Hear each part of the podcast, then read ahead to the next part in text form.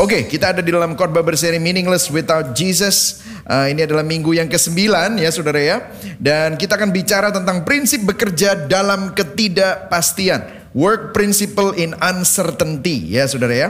Dan kita akan melihat nas kita adalah pengkhotbah 11 ayat 1 sampai 6. Jadi 6 ayat saja dan saya akan bacakan yang putih, saudara bacakan yang biru. Kita akan membacanya bergantian. Satu, dua, oh bentar, so, nomor satu ya. Uh, ayat yang pertama. Lemparkanlah rotimu ke air, maka engkau akan mendapatnya kembali lama setelah itu. Saudara, berikanlah bahkan kepada delapan orang karena engkau tidak tahu malapetaka apa yang akan terjadi di atas bumi. Bila awan-awan sarat mengandung hujan, maka hujan itu dicurahkannya ke atas bumi. Dan bila pohon tumbang ke selatan atau ke utara, di tempat pohon itu jatuh, di situ ia tergeletak. Siapa senantiasa memperhatikan angin tidak akan menabur dan siapa senantiasa melihat awan tidak akan menuai. Sebagaimana engkau tidak mengetahui jalan angin dan tulang-tulang dalam rahim seorang perempuan yang mengandung, demikian juga engkau tidak mengetahui pekerjaan Allah yang melakukan segala sesuatu. Ayat 6. Benihmu pagi-pagi hari dan janganlah memberi istirahat kepada tanganmu pada petang hari karena engkau tidak mengetahui apakah ini atau itu yang akan berhasil atau kedua-duanya sama baik. Berbahagialah orang yang mendengar firman Tuhan, memelihara dalam hatinya dan melakukan dalam hidupnya. Nah, enam ayat singkat ini, saudara Raja Salomo ingin memberikan hasil pengamatannya dalam prinsip bekerja. Bagaimana kita bekerja dalam dunia yang serba tidak pasti.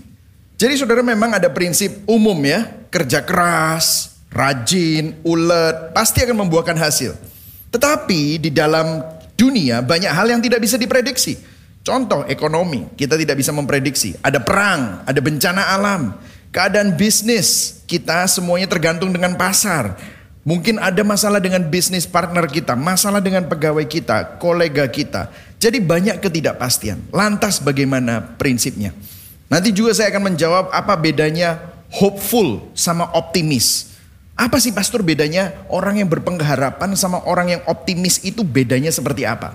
Terus apa bedanya orang yang berserah, berserah sama Tuhan sama orang pasif? Itu bedanya apa? Ada orang yang percaya bahwa Tuhan berdaulat, terus dia berserah. Gitu ya. Tapi ada orang yang percaya Tuhan berdaulat, terus dia pasif. Itu bedanya seperti apa? Terus kemudian bagaimana kita bersikap, bersikap di dalam uh, pekerjaan dalam dunia yang tidak pasti ini, terutama katanya Tuhan berdaulat. Bagaimana dengan kerja keras kita? Hubungannya seperti apa? Nah pertanyaan-pertanyaan seperti itu sering membuat banyak orang Kristen beriman menjadi bingung untuk menyikapi pekerjaan dan usaha mereka dan menghidupi iman mereka terhadap Injil. Itulah sebabnya hari ini kita akan bicara. Nah, saya akan memberikan sedikit background ya saudara ya. Ingat, ini adalah pasal ke-11. Pasal ke-11 kita bergerak menuju ke akhir dari kitab pengkhotbah.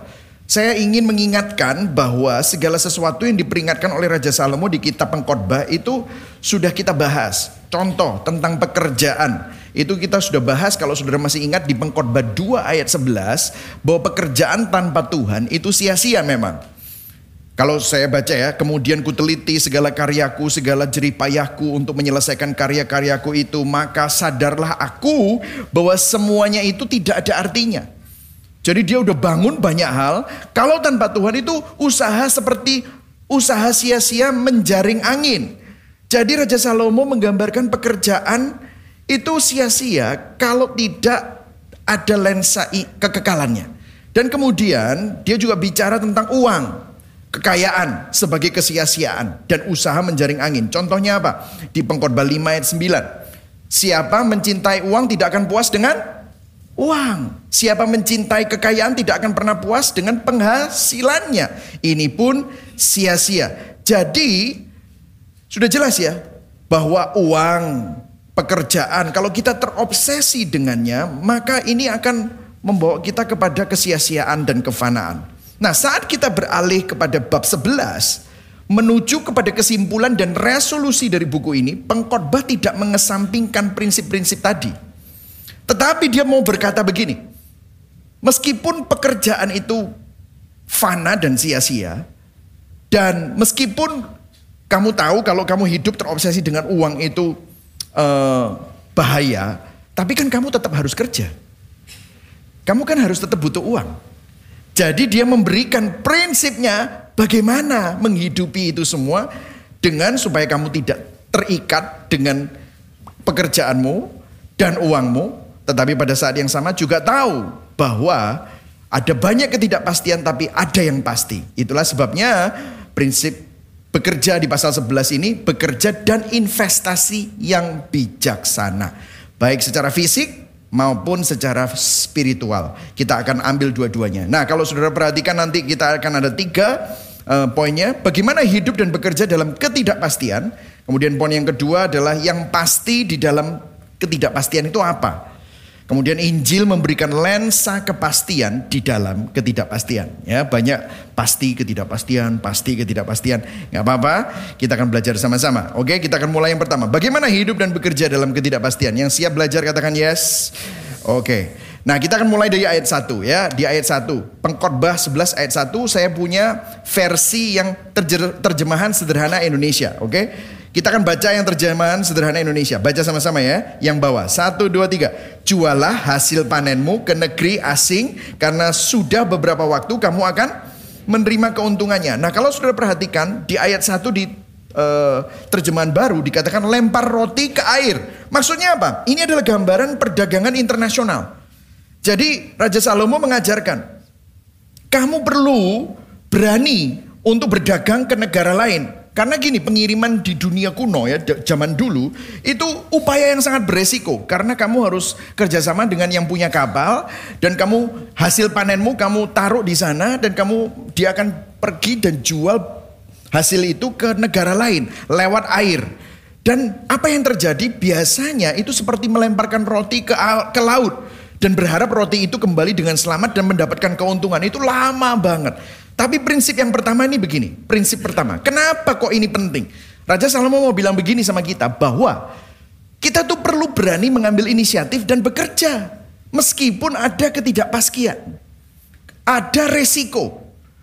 Nah, kalau saudara nanti lihat ya, ini nggak bisa sendirian ya. Karena kalau nggak, oh berarti kita ambil resiko saja. Bukan itu. Tetapi Raja Salomo sedang bicara sama orang-orang yang pasif. Orang-orang yang takut Orang-orang yang mungkin uh, selalu punya berhala kontrol ya. Kamu harus berani mengambil inisiatif dan bekerja meskipun ada resikonya. Di dalam dunia yang fana tidak ada yang pasti memang. Selalu ada resiko dan hal-hal yang tidak bisa kita ketahui, faktor X. Jangan hal-hal itu melumpuhkan inisiatif kita. Jadi nggak bisa kita ini pasif dan kemudian kalau saudara lihat di ayat yang ketiga dan keempat mendukung apa yang dikatakan di ayat yang pertama. Ya kita lihat di ayat yang ketiga dan keempat. Apabila melihat awan gelap dan tebal jangan heran kalau hujan turun. Ke arah mana pun pohon tumbang di sanalah pohon itu tetap tergeletak. Ayat 4 baca sama-sama. Satu dua tiga. Namun jangan terlalu dipengaruhi oleh situasi karena kalau kamu selalu menunggu sampai angin dan cuaca menjadi sempurna, kamu tidak akan pernah menabur benih dan tidak akan memanen hasil. Nah, ini mendukung poin yang tadi kan. Jadi kalau yang poin tadi berani untuk mengambil inisiatif dan bekerja meskipun ada ketidakpastian, ada resikonya. Nah, satu b ketidakpastian atau resiko bukanlah pembenaran untuk kita takut bergerak dan menjadi pasif. Karena kalau mau nunggu waktu yang perfect, gak akan pernah jalan-jalan kita, saudara. Jadi gini saudara, banyak orang itu gak kerja-kerja, gak jalan-jalan, atau gak berani untuk mengambil langkah. Karena apa? Oh resikonya terlalu tinggi. Mungkin gara-gara trauma masa lalu, pernah rugi, investment yang salah. Mungkin gara-gara robot trading ya, minggu beberapa tahun yang lalu ya, nggak beberapa tahun sih, tahun lalu saudara ya. Atau mungkin investasi bodong gitu. Mungkin saudara pernah ditipu oleh teman saudara. Mungkin saudara pernah ditipu oleh bisnis partner saudara. Oh saya dikecewakan, saya dikhianati, saya disakiti. Akhirnya nggak mau kerja hal-hal seperti itu lagi. nggak mau invest lagi. Play it safe. Itu juga nggak benar. Tuhan nggak mau kita nggak mengusahakan. Jadi gini, sama halnya, itu saya tulis di bawah. Gegabah dalam bekerja dan ceroboh dalam bertindak, itu kebodohan. Tetapi Pasif karena takut akan resiko dan ketidakpastian. Itu juga bodoh. Karena pasti ada resiko di mana-mana gitu saudara. Nah, terus intinya apa? Intinya kita harus jadi pengelola yang baik. Kalau sudah dipercayakan Tuhan, ya usahakan, berinisiatif, kerjalah dengan baik, kelola dengan baik. dan mulailah melangkah itu. Terus kemudian, kalau sudah mengelola dengan baik dan ada hasilnya, ayat 2 dikatakan begini. Baca sama-sama ya. Satu, dua, tiga. Bagilah penghasilanmu dalam berbagai usaha. Stop dulu sampai di situ. Jadi disuruh mengelola sampai menghasilkan, oke? Okay? Jadi bagilah penghasilanmu. Artinya apa yang saudara kerjakan sudah ada hasilnya, ya. Kemudian dibagi hasilnya dalam berbagai usaha. Oh, ini diajarin diversifikasi. Karena kamu tidak tahu bencana apa yang akan terjadi. Jadi kalau sudah menghasilkan, penghasilanmu itu bagi dalam berbagai usaha. Karena kamu tidak tahu apa yang akan terjadi. Jadi ini satu C. Jadi bijaklah dan lakukanlah diversifikasi dalam apa yang menjadi hasil usahamu, investasikan. Kalau bahasa Inggrisnya, don't put your eggs in one basket. Jangan taruh semua telurmu di keranjang yang sama gitu ya. Tidak ada yang tahu bencana apa yang mungkin terjadi di bumi. Dalam ketidakpastian yang kita hadapi, maka kita perlu bijaksana menghitung semua resiko. Calculated risk, cerdas untuk mendiversifikasikan apa yang kita hasil dari apa yang kita kerjakan. Investasikan gitu Saudara. Karena kita nggak tahu. Makanya Saudara banyak sekali kita itu uh, melihat oh enak ya kalau masukin ke sini. Bunganya tinggi dimasukin semuanya ke sana. Ternyata itu penipuan. Wah hilang semua uh, apa namanya duitnya gitu ya. Saya makanya sampai pernah memberikan sedikit apa namanya ilustrasi kepada saudara tentang orang yang namanya Urip itu ya. Saudara kehilangan berapa miliar itu ya. Saya sampai bingung kan ini namanya masih Urip gak ya saudara karena namanya Urip gitu ya saudara semoga masih hidup gitu. Nah kita perlu berdiversifikasi karena kita tidak tahu apa yang akan terjadi kalau semua ke stock market, stock marketnya hancur, hancur. Kita semua uh, dimasukin emas, semuanya dimasukin real estate, semuanya dimasukin. Jadi apa yang kita perlu diversifikasi karena kita nggak tahu apa yang terjadi. Jadi rupanya Alkitab pun sudah mengajarkan ini semua, ya. Jadi intinya apa, saudara? Intinya apa? Intinya adalah prinsip stewardship, pengelolaan, penata layanan. Saya kasih contoh ya dalam diversifikasi. Bedakan saudara ya antara keserakahan dengan kesetiaan. Karena begini saudara. Saudara belum punya apa-apa, saudara baru menghasilkan sedikit. Oh saudara sudah invest sana, invest ini, bahkan utang untuk invest. Waduh, apa yang terjadi? Kalau saudara seperti itu terlalu berani, apa yang terjadi? Saudara akan masuk dalam berbagai duga. Karena saudara serakah. Firman Tuhan berkata di 1 Timotius 6. Uh, dikatakan bahwa orang yang ingin kaya jatuh dalam berbagai-bagai duka. Jadi kalau saudara lihat di dalam di dalam investasi pun kita jangan didorong oleh keserakahan. Dalam diversifikasi bagilah penghasilanmu artinya sudah dinasehati untuk mengelola dulu baru setelah ada hasilnya baru hasilnya ditata layankan, dikelola, baru didiversifikasi. Banyak orang diversifikasi tanpa setia mengelola. Akhirnya dia didorong keserakahan, akhirnya habis saudara. Nah mungkin saudara bilang, waduh tumben. Ini Gibeon Church kok ngajari motivasi kayak gini ya? Ya saudara ya, ini belum oke, okay? belum. Ini baru awal oke okay, saudara ya. Nah Yesus ngomong apa? Yesus ngomong apa tentang stewardship? Stewardship. Yesus juga ngomong yang sama. Dan by the way, ini bukan hanya untuk pekerjaan.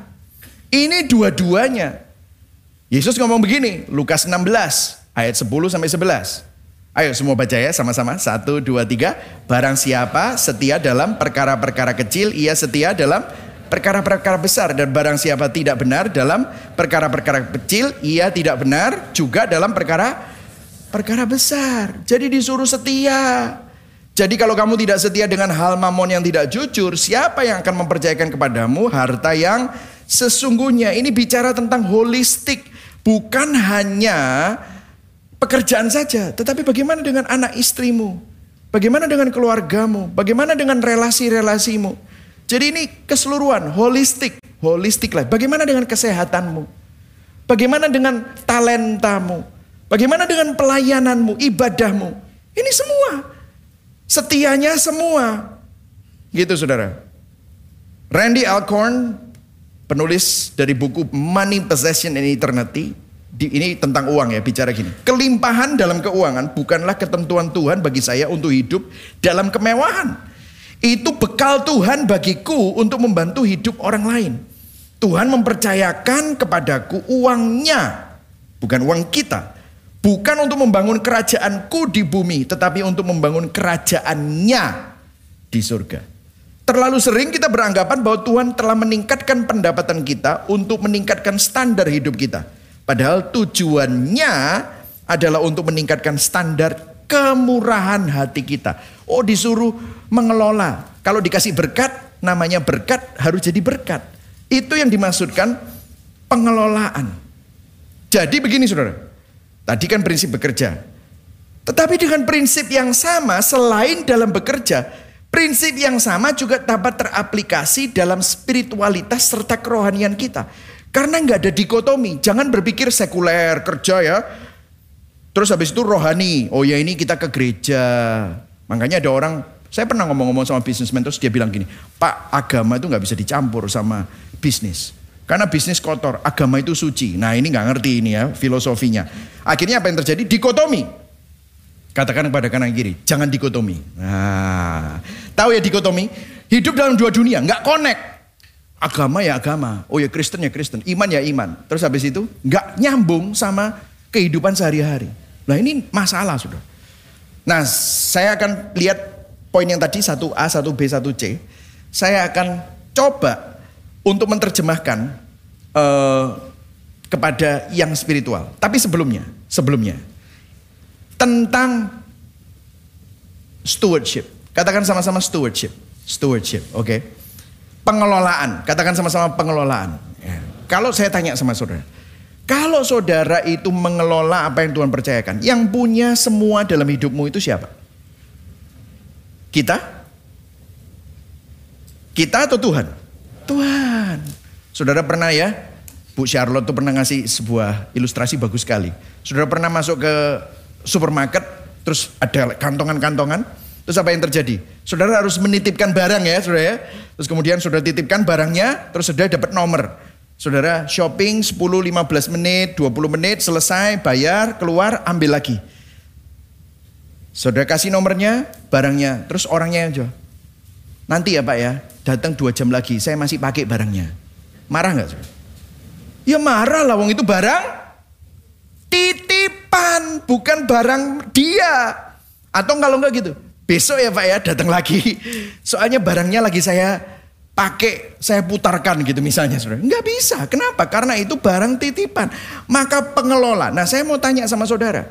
Ini pertanyaan sebelum kita masuk ke dalam yang spiritualitas. What is your non-negotiable? Apa yang menjadi hal yang mutlak dalam hidup kita? Yang tidak bisa diganggu gugat. Of course kalau di gereja jawabannya Tuhan. Kan begitu saudara ya. Wah kalau kalau di Gibeon gospel. Injil ya kan. Oh selalu bilang begitu. Tetapi gimana bentuknya? Saudara banyak orang ini sebenarnya nggak pernah mengecek ini. Sebenarnya kita semua memiliki hal yang mutlak atau non-negotiable, tapi tidak pernah dikatakan. Atau tidak pernah dievaluasi apakah nilai-nilai hidup kita yang non-negotiable itu sesuai dengan Alkitab, sesuai dengan Injil atau tidak. Kita perlu periksa apakah hal yang non-negotiable, yang mutlak dalam hidup kita ini hanya nilai praktikalitas yang kita warisi dari orang tua, atau nilai yang kita serap dari budaya karena ngetren Ataukah itu prinsip Alkitab yang kekal? Yang akan selalu teraplikasi sepanjang masa. Saya kasih contoh ya, saya kasih contoh, saya kasih contoh. Saya harap kalau saya ngasih contoh, tidak ada yang tersinggung. Kenapa? Ini bisa menyinggung soalnya. Oke? Katakan pada kanan kiri. Jok tersinggung loh ya. ya. Saya nggak nyebut nama dan saya nggak bilang ini dari konseling. Uh, uh, saya nggak bilang dari mana pun ya. Cuman begini ya saudara. Begini begini. Saya temui banyak orang ya pada waktu mereka mau membuat keputusan tentang hal-hal dalam hidup mereka, mereka membuat keputusan itu purely driven by money. Misalnya ya, misalnya suami istri, mereka pas-pasan, dapat tawaran kerja di luar kota, tapi suaminya harus away dari keluarganya berbulan-bulan, ketemu tiga bulan sekali sama istrinya, atau ketemu dua minggu sekali sama istrinya. Terus akhirnya apa? Ya udah, kita kerja demi uang kan. Kita akhirnya apa yang terjadi? Padahal pada waktu di altar saat senang atau susah, kaya atau miskin, sehat atau sakit kan gitu kan? Tapi kan ini susah, lagi susah. Ya udah kita pergi, boom pergi. Ya ini masih tiga bulan bisa balik lagi. Oh senang terus bawa uang. Wah oh, senang senang senang gitu ya.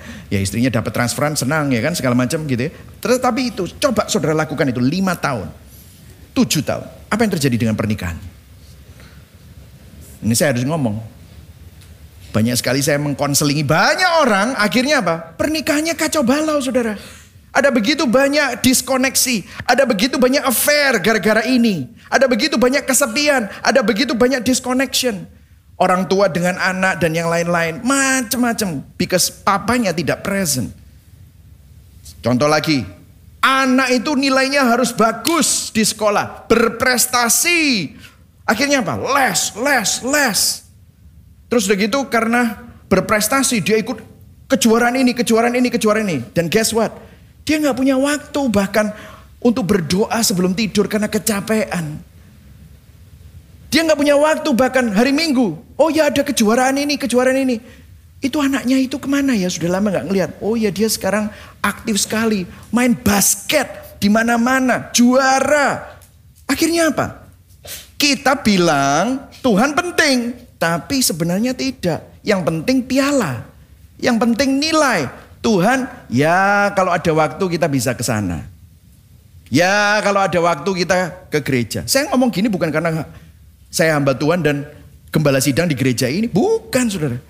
Tapi saya melihat ini sebuah trajectory. Trajectory itu adalah sebuah uh, direction. Arah Saudara kalau mau pergi ke uh, Jakarta harus ke barat. Saudara nggak bisa ke timur. Ke timur mau ke mana pun saudara akan nyampe ke Jakarta. Kenapa? Arah Jakarta ke barat. Begitu juga ini. Kalau saudara sudah tahu non-negotiable itu adalah Tuhan, tetapi saudara pergi ke arah yang lain. Tuhan tidak akan pernah jadi yang utama dalam hidup anak itu. Akhirnya apa? Kalau anaknya sudah mulai 18, 19, 20, Tiba-tiba aku tidak percaya Tuhan lagi. Kaget papa mamanya. Ah, what happened, what happened, what happened? Gitu. Kenapa? Ya karena papa mamanya menunjukkan. Berapa kali orang tua didatengin. Dad aku ada questions. Ma aku ada aku ada pertanyaan. Ini aku lagi mau doa udah lama nggak doa. Daddy capek kamu doa sendiri ya. Apa yang terjadi? Kita mengkomunikasikan bahwa kepada anak-anak kita, capek kita lebih penting daripada doa. Kita vacation, vacation hari Minggu nggak ke gereja, udah nggak apa-apa, nggak apa-apa. Dad, aku ini ada ini, ada ini, ada ini, diajakin sama Pastor Dave untuk ke sini ke sini. Ah, nggak penting. Kamu mau nggak ikut sama Daddy pergi ke sini, pergi ke sini? Ya udah ikut. Akhirnya apa? Itu nggak penting. Apa yang terjadi? God is negotiable. Yang non negotiable apa? piala. Yang non negotiable apa? Nilai bagus. Loh saya nggak bilang nilai bagus nggak penting. Saudara waktu anak saya pergi ke Amerika untuk sekolah, teman-temannya banyak yang ke Ivy League. Banyak yang ke universitas-universitas yang besar. Dia juga pingin. Saya bilang, pertama kali yang perlu dipikirkan apa? Komunitasnya. Kekristenan, gerejanya. Karena percuma kamu dapat edukasi tinggi sekali. Tapi waktu kamu pulang, kamu kehilangan imanmu. Persis seperti apa yang Yesus katakan. Buat apa kamu memiliki seluruh isi dunia tetapi kamu kehilangan nyawamu. Inilah yang dimaksudkan. Makanya kita itu punya filosofi hidup, cara pandang yang non-negotiable itu perlu dievaluasi saudara.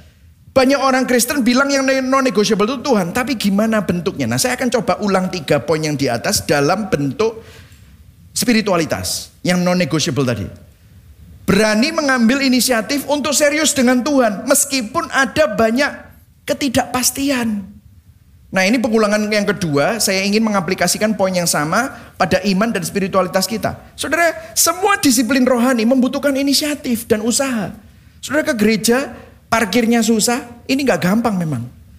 Saya saya mengapresiasi ya, di balik ruangan ini ini ada ruangan bayi yang orang tuanya itu bayinya masih di bawah 2 tahun, mereka ada di sini. Saudara tahu, ke gereja susah-susah boyong anak bawa uh, diaper bag segitu banyak, mungkin ya 20%, 30% saja yang mereka bisa tangkap dari khotbah kita. Tetapi mereka tetap bawa segitu banyak repotnya bawa anak. Saya apresiasi. Kenapa? Kan lebih enak di rumah. Online. Online Maksudnya sambil kelesetan, makan sambil ya kalau lihat paling enggak cekrek gitu loh. Sudah lihat ibadah, oh cekrek. Itu loh, atau apa slide-nya Pastor Mike itu sudah saya ini. Terus tag Gibeon Church sama Michael Christian. Nanti Michael Christian pasti repost gitu ya. Oh aku udah ibadah gitu kan. Enakan begitu. Tapi mereka di sana sudah dengernya 20%, papanya mungkin di sini atau gantian, mamanya gantian, papanya yang jaga. Saya apresiasi. Kenapa? Artinya dia mengambil inisiatif untuk serius dengan Tuhan meskipun ke gereja itu apa sih untungnya? Belum ada kepastian banyak, tetapi pasti kekal. Semua disiplin rohani membutuhkan inisiatif dan usaha. Nggak ada yang mudah. Baca firman, doa. Ada banyak rintangan. Wong saudara doa aja ini bisa zzz, zzz, zzz. Ya, saudara lagi doa. Iki WSO, WSO apa? Uh, transfer gak ya, uh, lagi doa gitu ya saudara. Saudara pikiran macam-macam. Makanya saudara perlu dimatikan terus doa sebentar gitu ya saudara. Jadi apa yang terjadi? Gak mudah. Namun jangan hal-hal itu melumpuhkan inisiatif kita untuk serius dengan iman kita dan melayani Tuhan. Saudara ada begitu banyak kita itu ah percuma. Saudara tahu nggak? Saudara pikir doa itu gak pasti. Saudara coba lakukan doa setahun. Benar doa beneran. Saudara akan belajar tiba-tiba saudara semakin bergantung sama Tuhan. Saudara baca firman. Saudara serius. Benar-benar datang ibadah. Bukan waktu ibadah saya itu lagi WA-WA, Instagraman gitu ya. Tapi benar-benar saudara dengarkan. Saya yakin. Saudara pikir gak pasti? No, itu pasti merubah hidupmu. Ya yang kedua. Jangan ketidakpastian atau resiko itu bukanlah pembenaran untuk kita takut berinisiatif dengan iman dan menjadi pasif. Saudara, dalam spiritu, dalam spiritualitas dan kerohanian banyak orang nggak mau terlibat, nggak mau pelayanan. Kenapa? Trauma masa lalu. Alah gereja berdoa ya aku pernah kok. Aku nggak mau terlalu deket, nggak mau terlalu terjun terlalu dalam. Begitu terjun, saya tahu nanti jeleknya semua. Saya soalnya pernah dikecewakan, saya pernah dikhianati. Sering ya dengar seperti itu. Saya disakiti, Akhirnya nggak mau ke gereja, online saja, nggak mau terlibat, nggak mau pelayanan. Saudara saya mau kasih sedikit ilustrasi ya. Kalau ada seorang yang main Mozart atau Beethoven, ada yang bagus, saudara bilang gila, keren banget ini ya. Beethoven sounds so good. Karena yang main bagus, tapi ada orang yang main fals. Kelundang, kelundung, kelundang, kelundung, kelundung. Kamu main apa? Beethoven. Beethoven, kok gak enak ngono gitu saudara. Dengar saudara. Beethoven itu bagus atau tidak, itu kan tergantung pemainnya. Tidak semua pemain itu seperti itu. Jadi dengar saudara, belum tentu semua itu seperti itu. By the way, kalau saudara berpikir bahwa saudara masuk ke sana dan tidak pernah ada masalah, itu tidak mungkin. Karena begitu saudara masuk sana, mungkin saudara yang bawa masalah. Bisa saja. Jadi jangan pernah berpikir bahwa, ah gara-gara ini percuma. Jadi gini, jangan jadikan trauma masa lalu atau pengalaman yang buruk menghalangi kita untuk serius dengan iman kita dan melayani Tuhan. Yang setuju katakan amin. Jadi kita perlu rubah non-negotiable kita ini apa sih? Seringkali hidup kita ini hanya kuis sera-sera, ikut aja, mengalir. No, mengalir itu bahaya saudara. Kita perlu sadar punya keyakinan itu penting. Terus gini, yang C, Bijaklah dan lakukan diversifikasi dalam kehidupan to have a balanced life. Maksudnya apa? Jangan kerja tok eh. Mungkin saudara punya banyak inisiatif dalam pekerjaan, tapi kamu sangat lemah inisiatifmu sebagai suami dan sebagai papa. Mungkin kamu sebagai wanita karir kamu inisiatifnya luar biasa, tapi kamu sebagai istri dan sebagai ibu, sebagai wanita iman yang mendukung suamimu sangat lemah. Jadi nggak bisa hebat dan nggak bisa fokus itu cuma hanya satu tok hidup ini. Ada orang yang kerja kerja kerja, kesehatannya nggak pernah diperhatikan. Apa yang terjadi? Ya sakit-sakitan. Tunggu aja tanggal mainnya. Kalau Anda masih muda, tidak pernah menjaga kesehatan, Anda akan pasti sakit-sakitan. Nanti kalau sudah umur 45 ke atas, saudara. Saya udah mulai merasakannya, gitu saudara. Jadi jangan terobsesi sama hal yang fana, Tapi lihat titipan Tuhan itu bukan cuma kerja, titipan Tuhan bukan cuma hanya tubuh saja. Tapi lihat, hadirlah bagi keluargamu, pasanganmu, anak-anakmu, itu titipan Tuhan. Ajari anak-anakmu untuk merenungkan Injil. Dampingi mereka untuk beribadah dan melayani Tuhan. Karena itu warisan kekal yang tidak bisa binasa. Yang setuju katakan amin. Jadi ini kita perlu lihat. Ada orang yang kejar pencapaian, kedudukan, jabatan, cari penerimaan. Artinya uang, kekayaan, kedudukan, jabatan lebih penting daripada Tuhan, daripada keluarga. Ada orang yang kerja terus sampai lupa ibadah, lupa baca firman, ninggalin disiplin rohani. Relasi dengan istri kacau, tidak punya waktu bergaul, tidak punya waktu olahraga. Pasti saudara hancur salah satu. Akhirnya saudara kehilangan yang saudara pegang itu. Yang saudara sangat getu kejar itu pun juga saudara kehilangan. Jadi saudara melihat ya. Jadi ini bisa teraplikasi bukan hanya dalam pekerjaan tapi seluruh aspek hidup kita. What is your non-negotiable? Coba kita pikirkan. Next week di dalam pembicaraan care group. Coba bicarakan. Apakah itu benar-benar terjadi dalam hidup saudara? Yang belum ikut care group, ya ikut APS tahun depan ya saudara ya. Baru bisa ikut care group, oke. Okay? Nomor yang kedua saudara, ya kita poin yang kedua. Yang pasti di dalam ketidakpastian. Nah kita masuk ke dalam ayat yang kelima. Kita baca sama-sama ayat yang kelima. Satu, dua, tiga. Sebagaimana kamu tidak bisa menebak arah angin akan bertiup. Atau mengerti bagaimana tubuh seorang bayi terbentuk di dalam rahim ibunya. Demikianlah kamu tidak dapat mengerti berbagai pekerjaan Allah pencipta segala sesuatu. Nah apa maksudnya? Kok tiba-tiba dari kerja, prinsip kerja, kok ngomong tentang kedaulatan Allah? Di sini Raja Salomo memberikan konsep kerja keras, mengambil inisiatif walau ada resiko, ada ketidakpastian, tetapi bijak dalam mengelola untuk hasilnya diversifikasi. Namun tetap percaya bahwa Tuhan berdaulat. Nah di sini saudara saya ingin memberikan sebuah filsafat, oke? Okay? Mari sama-sama bersih filsafat sedikit. Di sini muncul sebuah ketegangan, tension antara kerja keras, inisiatif manusia, kehendak bebas manusia, dan Tuhan yang berdaulat atas segala-galanya. Nah ini memang tidak masuk di nalar manusia. Karena akal manusia itu terbatas. Kategori pemikiran manusia tidak dapat menyatukan kedua hal ini. Jadi pertanyaannya gini, loh Pak, apakah pilihan kita penting? Yes, Apakah kehendak bebas kita penting? Ya penting. Bagaimana dengan kerja keras, inisiatif kita? Penting gak? Wow, penting gitu saudara. Dan pilihan itu ada konsekuensinya. Penting gak? Penting. Hidup kita dipengaruhi pilihan kita? Ya. Tapi di sisi lain, Alkitab juga berkata sesuatu yang berbeda. Bahwa semua, semua telah ditentukan dan semua yang terjadi ternyata sudah direncanakan oleh Allah. Nah inilah yang namanya, yang namanya adalah paradoksal. Katakan sama-sama, satu, dua, tiga, paradoksal. Apa maksudnya paradoksal? Jadi gini saudara. Dalam Alkitab, manusia memiliki kehendak bebas untuk membuat keputusan tanpa paksaan. Namun pada saat yang sama, tidak ada hal di dalam hidup manusia yang ada di luar kendali kedaulatan Allah. Jadi memang manusia harus bebas. Apa yang kita lakukan dikendalikan oleh kita.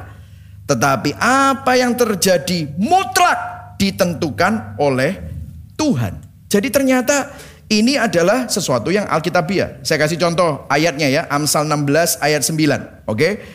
Nah Bapak ini uh, hanya teknis sebentar ya Saudara ya. Oke. Amsal 16 ayat 9 kita baca sama-sama ya. Satu, dua, tiga. Hati manusia memikir-mikirkan jalannya, tetapi Tuhanlah yang menentukan arah langkahnya. Coba sudah lihat. Rencana kita, pilihan kita, itu tidak dipaksa. Tidak ada yang memeras dan mengancam kita. Kita memilihnya dengan bebas. Dan kita harus bertanggung jawab atas semua konsekuensi dari semua keputusan yang kita pilih. Tetapi apa yang terjadi sebagai akibat dari rencana itu, akibat dari pilihan kita, menurut ayat ini, sepenuhnya dikendalikan dan ditetapkan sepenuhnya oleh Tuhan. Tidak ada yang terjadi yang tidak sesuai rencana Tuhan. Jadi Tuhan nggak pernah kaget. Kok itu terjadi? Gak tak rencana no loh ini gitu saudara. Nggak ada. Kaget aku. Ya apa gitu saudara. Lu dadak no kayak gitu. Nggak ada itu bahasa-bahasa kayak gitu di dalam Tuhan nggak ada. Gitu ya. Nggak ada kaget itu. Semuanya tidak ada yang membuat Tuhan terkejut. R.C. Sproul berkata begini, There is not one piece of cosmic dust that is outside of the scope of God's sovereign providence. Tidak ada satu titik debu pun yang ada di luar jangkauan kendali kedaulatan Tuhan. Artinya gini, kalau saudara kelilipan sekalipun ya, itu ada dalam jangkauan Tuhan. Jadi hati-hati saudara. Memang memang Tuhan itu bisa melakukan segalanya. Jadi gini, meskipun kita semua bertindak dan membuat keputusan secara bebas, tetapi pada saat yang sama segala sesuatu dalam hidup kita sudah ditentukan secara mutlak oleh Tuhan. Nah ini memang susah diterima. Makanya banyak manusia memiliki filosofi yang ekstrim. Nah di sini saya mau berfilsafat sedikit ya. Filosofi ekstrim itu ada dua. Saya pernah membahas ini di Hikmat Amsal di uh, melalui lensa Injil ya tahun lalu ya atau dua tahun lalu saya lupa tahun lalu ya. Ini ada dua pandangan. Yang satu fatalisme. Katakan sama-sama fatalisme. Nah, fatalisme ini ya, banyak orang berpikir, oh ini lagi Pak Michael lagi bicara tentang Calvinisme, wah reform theology, fatalis, hyper Calvinis itu. Saya nggak bilang fatalisme itu harus Kristen. Sudah tahu nggak? Saya punya teman, dia ngomong sama saya, bro, aku iki nasib wis diramal bro. Oh iya? Kok iso? Aku percuma lah. Ngapa-ngapain? Soalnya apa? Aku diramal ambil suhu. Uh, oke okay, suhu. Aku duwe primbon bro. Primbon. Jadi ada primbon buat dia. Ini sudah tak bukti no akurat. Papaku akurat. Engkongku akurat. Omku akurat. Jadi nanti umur berapa kamu akan kaya. Habis itu kamu akan sakit. Habis itu sembuh. Kaya lagi. Terus habis itu kamu toh. Oh, bangkrut. Terus habis itu kamu bisa kaya lagi. Habis itu mati. gitu saudara, ceritanya begitu. Wes percuma wes. Aku lapo kerja. Sudah diramalkan semua. Saudara tahu, ini fatalisme. Semua sudah ditentukan. Untuk apa kita susah-susah? Udahlah, nurut aja. Akhirnya mereka jadi pasif. Akhirnya mereka jadi pesimis. Sehingga akibatnya jadi depresi dan hidup dalam keputusasaan. Nah orang Kristen bilang, oh Tuhan berdaulat, ya sudah ndak usah nginjil. Tuhan berdaulat kita nggak tahu kan anak kita jadi preman, mau jadi uh, orang hebat, ya sudahlah, biarin aja mau sekolah sekolah terserah itu hidup mereka lah gitu segala macam. Akhirnya apa? Kita jadi pasif, fatalis. Ini bahaya, fatalisme. Ini ekstrim. Semuanya Tuhan berdaulat. Nah, banyak orang nggak setuju sama ini. Terus habis itu swing to the other side. Libertarianisme. Wah, Biar keren sedikit ngomong ya. Satu, dua, tiga. Libertarianisme. Jadi saudara nanti bilang, oh libertarianisme kamu. Wah, apa itu, apa itu? Nah saudara bisa jelaskan. Oke saudara ya. Ya biar keren dikit gitu ya saudara ya. Nah saudara pernah lihat film Back to the Future? Back to the Future itu masa depan kita ada di tangan kita. Makanya mereka punya mesin waktu pergi ke masa lalu untuk mengubah masa lalu sehingga masa depan berubah. Ciptakan masa depanmu. Wah itu para motivator suka bilang begitu kan. Akhirnya apa? Mereka jadi agresif, over optimis, tetapi akibatnya mereka nggak pernah tenang, selalu khawatir akan masa depan. Kenapa? Saudara saya pernah ketemu sama orang yang jadi mahasiswa abadi. Tahu, ganti jurusan terus. Bisnis, gak cocok aku kayak. Aku tak kimia, kimia, mumet aku. Fisika, fisika, tambah mumet gitu. Oh, graphic design. Oh, tambah mumet. Lah kau nape tadi apa, Bro? Ya mungkin aku tidak tahu, aku bingung. Jadi dia tidak bisa menentukan. Dia sama satu uh, punya hubungan pacar sama satu orang gitu ya. Kok kayaknya nggak cocok ya? Dia mikir-mikir ini nggak bisa jadi suamiku atau istriku. Putus. Habis itu ini ini happy, tapi awal-awal happy, lama-lama sudah di, akhirnya apa? Ganti-ganti pasangan karena dia takut kalau salah pilih konsekuensinya panjang. Loh memang betul. Tapi masa depan itu akhirnya semuanya tergantung sama dia. Akhirnya apa? Gak bisa tidur. Aduh, aku beli ruko bener gak ya di sini? Uh, ada promo di ruko sana. Aduh, aku tiwasi beli kelarangan. Mata pun, ini dijual, piro? Oh, aku rugi. Nek beli di sana, uh, gak bisa tidur, saudara. Oh, mikirin rukonya. Beli rumah juga gitu. Waduh, cicilannya gini-gini. Aduh, di sana ada promo lagi. Mesti ini nunggu stilo lagi. Sudah dapat sana. Mesti ini tak nego di sini. Gak bisa tidur. Bisnis ini, bisnis itu. Bingung terus. Kenapa? Libertarianisme. Semuanya tergantung sama aku. Aku yang memutuskan, aku yang memilih. Kelihatannya hebat. Tapi ternyata manusia tidak sehebat itu, makanya dia tidak bisa tidur. Kenapa? Banyak faktor X, tidak bisa dikontrol. Nah Alkitab tidak pernah mengajarkan fatalisme atau libertarianisme. Tetapi pemahaman Alkitab adalah kompatibilisme. Nah bisa, bisa bilang ya. Satu, dua, tiga. Kompatibilisme. Ya itu kompatibilis. Itu orangnya. Itu artinya begini. Kehendak bebas kita itu ada batasnya. Kenapa? Kita bukan Tuhan. Akhirnya Tuhan yang menentukan segalanya. Saudara saya bersyukur loh saudara. Saya umur 48 baru saja dan saya bersyukur. Yang 48 di 31 Oktober, hari reformasi. Jadi mungkin saya memang dipredestinasi untuk jadi ya anyway, ya sudah jadi cuman gini maksud saya. Saya bersyukur bahwa semua pilihan saya, semua keputusan saya, model cewek yang saya sukai, untung nggak jadi istri saya sekarang. Saya kalau ngelihat selamat, selamat gitu saudara. Saya bersyukur bahwa dulu saya ditanyain sama papa saya, kamu mau sekolah apa Mike? Musik. Wow, kamu jadi musisi. Ya kalau kamu mau sekolah musik, bayar sendiri ya. Gitu papa saya ngomong kayak gitu. Kalau mau papa bantu, sekolah kimia, fisika, sekolah dokter. Nah itu baru tak bantu. Waduh terpaksa. Akhirnya saya sekolah food process engineering. Ya, itu S1 saya. Itu saya bersyukur tapi karena apa? Tuhan mengintervensi. Tuhan melalui orang tua. Jadi kedaulatan Tuhan akhirnya melampaui kehendak bebas saya. Sehingga sekarang saya kalau melihat ke belakang saya tenang. Oh saya mengerti kenapa ini terjadi. Jadi gini, kita memang berkehendak bebas. Dan harus bertanggung jawab atas semua konsekuensi perbuatan kita. Tapi kita juga bisa tenang. Karena Tuhan tetap memegang kendali. Apalagi bagi saudara yang ada di dalam Kristus. Allah turut bekerja dalam segala sesuatu untuk mendatangkan apa? Kebaikan dalam hidup saudara dan saya. Berikan tepuk tangan buat Tuhan. Ini menenangkan. Amin. Justru karena dia berdaulat dan memegang kendali, kita bisa beriman, kita bisa berdoa, kita bisa melakukan yang benar, bekerja keras sesuai dengan firman-Nya karena kita tahu Tuhan memegang kendali. Jadi poin 2A, apa yang pasti dalam ketidakpastian? Kita mungkin nggak tahu gimana cara Tuhan bekerja, nggak pasti gimana. Tapi kita yakin bahwa Tuhan pasti bekerja dan berdaulat atas setiap keadaan dan musim hidup kita. Yang percaya katakan amin. Ini menenangkan. Jadi inilah bukti ya, poin yang pertama tadi. Itu kan fana. Ini harus dibasiskan ini. Karena ini yang pasti. Makanya non-negotiable saudara harus Tuhan. Karena begitu bukan Tuhan, apa yang terjadi? Saudara membangun hidupmu di hal yang tidak pasti. Saudara membangun hidupmu di hal yang fana. Yang pasti adalah Tuhan. Yang tidak pasti itu kehidupan fana. Kalau kita tidak membangun yang fana di atas yang kekal, maka ini semua sia-sia. Saya kasih contoh secara cepat ya. Coba coba coba, coba saudara lihat kisah Yusuf. Yusuf ini ya saudara mengalami macam-macam. Dia mendapat mimpi sombong jadi favorit papanya. Habis itu dibuang ke sumur, dijadikan budak, difitnah memperkosa istri uh, bosnya, masuk penjara. Waduh, soro hidupnya. Banyak kehancuran, perbudakan, ketidakadilan, pemfitnahan, kekecewaan, tangisan.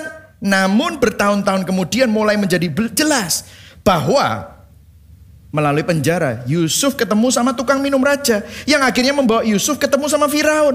Akhirnya Yusuf jadi perdana menteri Mesir setelah menerjemahkan mimpi Firaun. Yusuf jadi orang hebat, saudara-saudara dan keluarganya malah ditolong, ada pemulihan. Apa yang Yusuf pegang selama hidupnya naik turun nih? Yang non negotiable apa? Tuhan. Amin saudara. Tuhan yang dipegang. Tidak ada yang lain. Makanya Yusuf sampai membuat kesimpulan di kejadian 50 ayat 20 ayat baca sama-sama. 1, 2, 3.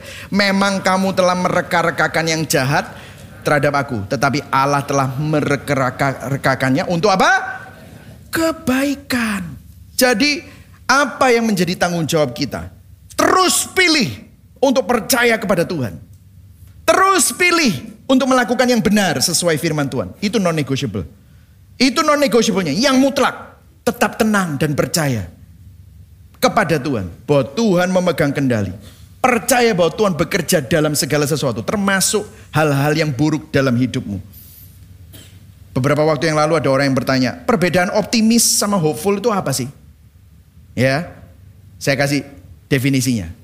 Orang optimis itu keyakinan fana. Oh aku punya plan, segala sesuatu yang kita rencanakan akan baik-baik saja, pasti sukses. Itu optimis, itu motivasi. Tapi hopeful, pengharapan, orang yang penuh pengharapan, ini adalah gini, keyakinan kepada Tuhan. Aku perlu bikin plan. Dalam setiap keadaan kalau planku berhasil, ya Tuhan memberkati puji Tuhan. Kalaupun planku nggak berhasil, Tuhan tetap memberkati. Karena apa? Memberkatinya pasti ada yang baik. Tuhan yang bekerja sesuai kehendak kedaulatannya adalah Tuhan yang memanggil aku, mengasihi aku dan memelihara aku untuk kemuliaannya. Pasti di balik semua ini pasti ada kebaikannya. Jadi itu orang yang penuh dengan pengharapan. Jadi gini ya saudara, kalau orang Kristen ini 2B ya. Saat paham akan kepastian kedaulatan Allah, kita bukanlah orang yang optimis, namun orang berinjil yang penuh dengan pengharapan. Yang setuju katakan amin. Ini beda. Pengharapan tuh beda sama optimis. Optimis itu hanya positif tanpa basis.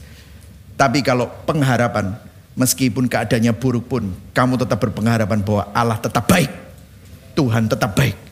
Bahwa di tengah-tengah keburukan ada kebaikan di dalam Allah. Kita masuk dalam poin yang ketiga. Injil memberikan lensa kepastian di dalam ketidakpastian. Nah saudara ketika kita mempertimbangkan kedaulatan pemeliharaan Tuhan atas hidup kita. Kita sadar bahwa Tuhan adalah Tuhan dan kita bukan Tuhan. Jadi meskipun kita tidak mengetahui apa yang sedang dilakukan Tuhan. Kita dipanggil untuk percaya bahwa Tuhan tahu yang terbaik. Nah kita lihat ayat ke-6 dikatakan begini. Baca sama-sama ya. Satu, dua, tiga taburlah benihmu di pagi hari dan lakukanlah berbagai usaha yang lain sampai waktunya tidur di malam hari. Karena kamu tidak tahu usaha mana yang akan berhasil atau malah semuanya akan berhasil dengan baik. Jadi Raja Salomo menegaskan, Tuhan berdaulat atas segala sesuatu, termasuk segala sesuatu yang nggak pasti dan kamu nggak tahu. Namun, ini poinnya ini, justru karena Tuhan berdaulat, maka kita perlu menggunakan setiap kesempatan untuk kerja. Makanya dia pakai apa? Menabur. Menabur. Dikatakan dia menabur. Justru karena Tuhan berdaulat, kita gunakan setiap kesempatan untuk kerja. Kerjanya bukan hanya fisik ya, kerja fisik dan kerja spiritual juga. Sama anak-anak kita, sama kehidupan kita. Karena kita tidak tahu apa yang akan Tuhan lakukan. Maka kita harus menggunakan setiap kesempatan untuk bekerja. Jadi gini saudara. Justru karena Tuhan berdaulat, maka Raja Salomo menasehati kita dengan bijak untuk menggunakan setiap kesempatan untuk bekerja. Karena kita nggak tahu apa yang akan diberkati Tuhan, maka kita harus menggunakan setiap kesempatan untuk bekerja. Nah, dengar, saudara. Nasihat praktis dari pengkhotbah tentang bekerja ini diberikan dalam bentuk analogi. Dalam bentuk apa? Menabur benih. Dari tadi kerja, menabur. Lempar rotimu, menabur roti ke laut Nah, menabur ini dipakai oleh Alkitab berkali-kali. Nah, menabur benih ini bukan cuma hanya bagi para petani, tetapi juga bagi kita dan dalam banyak kehidupan. Alkitab paling sering menggunakan gambaran menabur dan menuai untuk berbicara tentang apa yang kita lakukan dalam hidup kita. Yesus pernah menceritakan sebuah perumpamaan seorang penat, penat petani yang menaburkan benih perumpamaan seorang penabur. Dia berkata begini. Nah, di sini ya, gospelnya. Ada yang menarik di sini sebelum saya baca. Ayat ini ada korelasi dengan pengkhotbah 11 ayat 5 dan 6. Tentang kita nggak tahu, banyak nggak pasti. Caranya gimana? Tapi Yesus ngomong gini. Nah ini loh, kasih lensa kepastian. Beginilah hal kerajaan Allah. Caranya Tuhan kerja. Seumpama orang yang menaburkan benih di tanah. Lalu pada malam hari ia tidur. Pada, pada siang hari ia bangun. Dan benih itu mengeluarkan tunas dan tunas itu makin tinggi. Nah ini, bagaimana terjadinya tidak diketahui orang itu. Sudah kalau klik di situ ya, di Alkitab-Alkitab itu langsung nyambungnya ke pengkhotbah 11 ayat 5 sampai 6. 28. Bumi dengan sendirinya mengeluarkan buah Mula-mula tangkainya, lalu bulirnya, kemudian butir-butir yang penuh isinya dalam bulir itu. Apabila buah itu sudah cukup masak, orang itu segera menyapit sebab musim menuai sudah tiba. Maksudnya Yesus apa? Yang kamu tabur apa?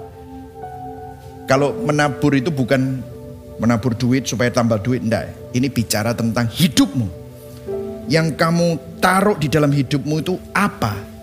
Yang kamu bagikan dalam hidupmu itu apa? Itu pasti menuai sesuatu. Kalau daging, menuai kebinasaan. Kalau roh, menuai kehidupan. Dengan pekerjaanmu juga gitu. Apa yang kamu kejar dari pekerjaanmu? Kalau itu hanya sekedar uang, sia-sia. Kalau kamu cuma hanya kejar anakmu pintar, berhasil, sia-sia. Apa yang kamu tabur dalam hidup anakmu? Apa yang kamu tabur dalam pernikahanmu? Dia mau ngomong sesuatu yang lebih daripada sekedar itu. Nah, dengar saudara. Perhatikan, perhatikan, perhatikan. Salomo dalam keterbatasannya hanya melihat prinsip menabur ini dalam pekerjaan fisik. Nah, perhatikan, perjanjian lama adalah bayangan dari perjanjian baru. Perjanjian baru adalah penggenapannya. Yesus ingin membawa apa yang dibagikan oleh Salomo. Dia ingin nunjukin, aku menebus kamu dari fana, hal-hal yang fana dan sia-sia. Untuk dibawa, untuk menabur lebih dari sekedar pekerjaan jasmani. Namun pekerjaan spiritual yang kekal. Lebih daripada cuma hanya kerja, dapat duit, beli rumah, punya punya pekerjaan, punya toko, nanti diwariskan sama anak-anak, terus kita mati, anak-anak juga ngulang yang sama. Lebih dari itu. I have something more than this cycle of vicious cycle of vanity. Uh, sebuah siklus yang kejam dari kesia-siaan ini. Aku mau menyelamatkan kamu dari kesia-siaan ini. Nah, bagaimana kita bisa menabur pekerjaan spiritual yang kekal? Nah, ada yang menarik. Kalau kita kembali di Markus 4 tadi tentang penabur, kalau kita baca Markus 4 ayat 14.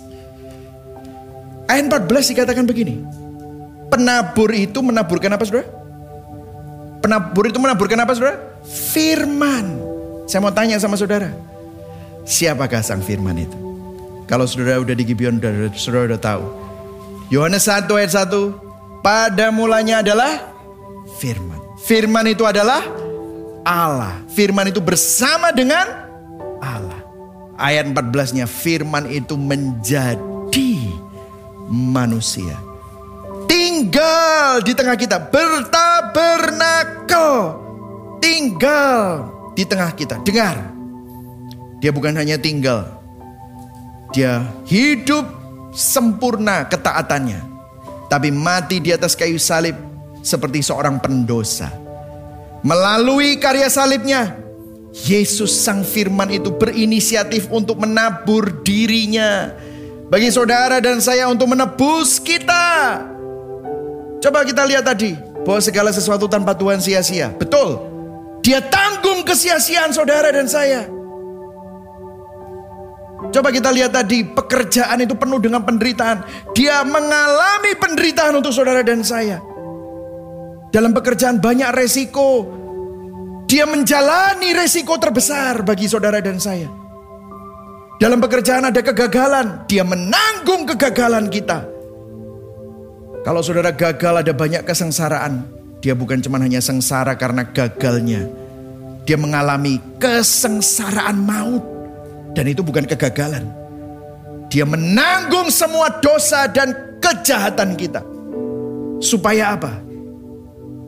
melalui penebusannya di dalam setiap aspek kehidupan kita tidak lagi terperangkap oleh kesia-siaan namun kita mampu menampilkan Kristus menaburkan benih kekekalan kabar baik Injil dalam pekerjaanmu kamu menampilkan Kristus beda kan dalam keluargamu kamu menampilkan Kristus kamu menghidupi Injil dalam pertemananmu kamu menampilkan Kristus dalam hubungan, dalam relasi kamu menampilkan Kristus. Dalam keberhasilan kamu gak sombong karena kamu tahu ini semua titipan. Kamu tampilkan nilai Injil. Kamu bahkan berkati orang-orang di sekitarmu. Kalau kamu gagal, di dalam kegagalan kamu bisa menampilkan Kristus. Kamu tahu bahwa Tuhan tetap bekerja bahkan dalam kegagalan untuk mengubah dirimu. Di dalam setiap keberhasilan, saudara nggak sombong, kegagalan saudara nggak hancur, dalam setiap krisis, saudara tahu Kristus bekerja di tengah-tengah krisismu. Dalam sukacita maupun duka, saudara bisa bilang, Tuhan tetap baik dalam setiap kesempatan saudara menampilkan Kristus. Itulah sebabnya 1 Korintus 15 ayat 57 sampai 58. Baca sama-sama ya. Ini ayat penutup saya. Satu, dua, tiga. Tetapi syukur kepada Allah yang telah memberikan kepada kita kemenangan oleh Yesus Kristus Tuhan kita. Stop dulu sampai di sini. Katakan sama-sama Yesus telah menang bagi kita.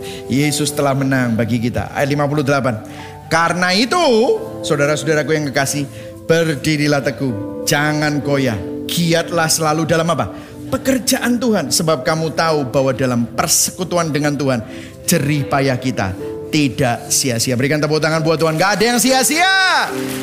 Dengerin. Bahkan dalam kegagalanmu, kegagalanmu tuh gak sia-sia. Bahkan dalam dukamu, dukamu tuh gak sia-sia. Keberhasilanmu, orang dunia bilang berhasil itu baru gak sia-sia. No, no, no. Dalam keberhasilanmu pun kalau tanpa Tuhan itu sia-sia. Tapi dalam keberhasilan di dalam Tuhan, tidak sia-sia. Karena keberhasilan itu saudara tampilkan Kristus. Saudara berkati orang. Saudara muliakan Tuhan melalui itu. Dalam kegagalan saudara tetap muliakan Tuhan.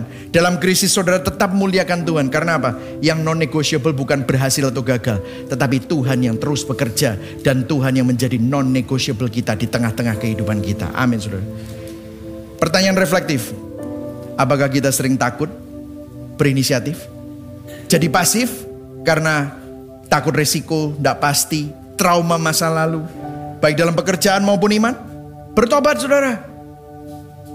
Ataukah kita sering terlalu berani dalam hidup mengambil resiko? Kenapa? Karena kamu kepingin serak, kamu kepingin kaya, serakah, ambisi, nggak terkendali. Kita perlu bertobat. Apakah hidup kita memiliki balance life?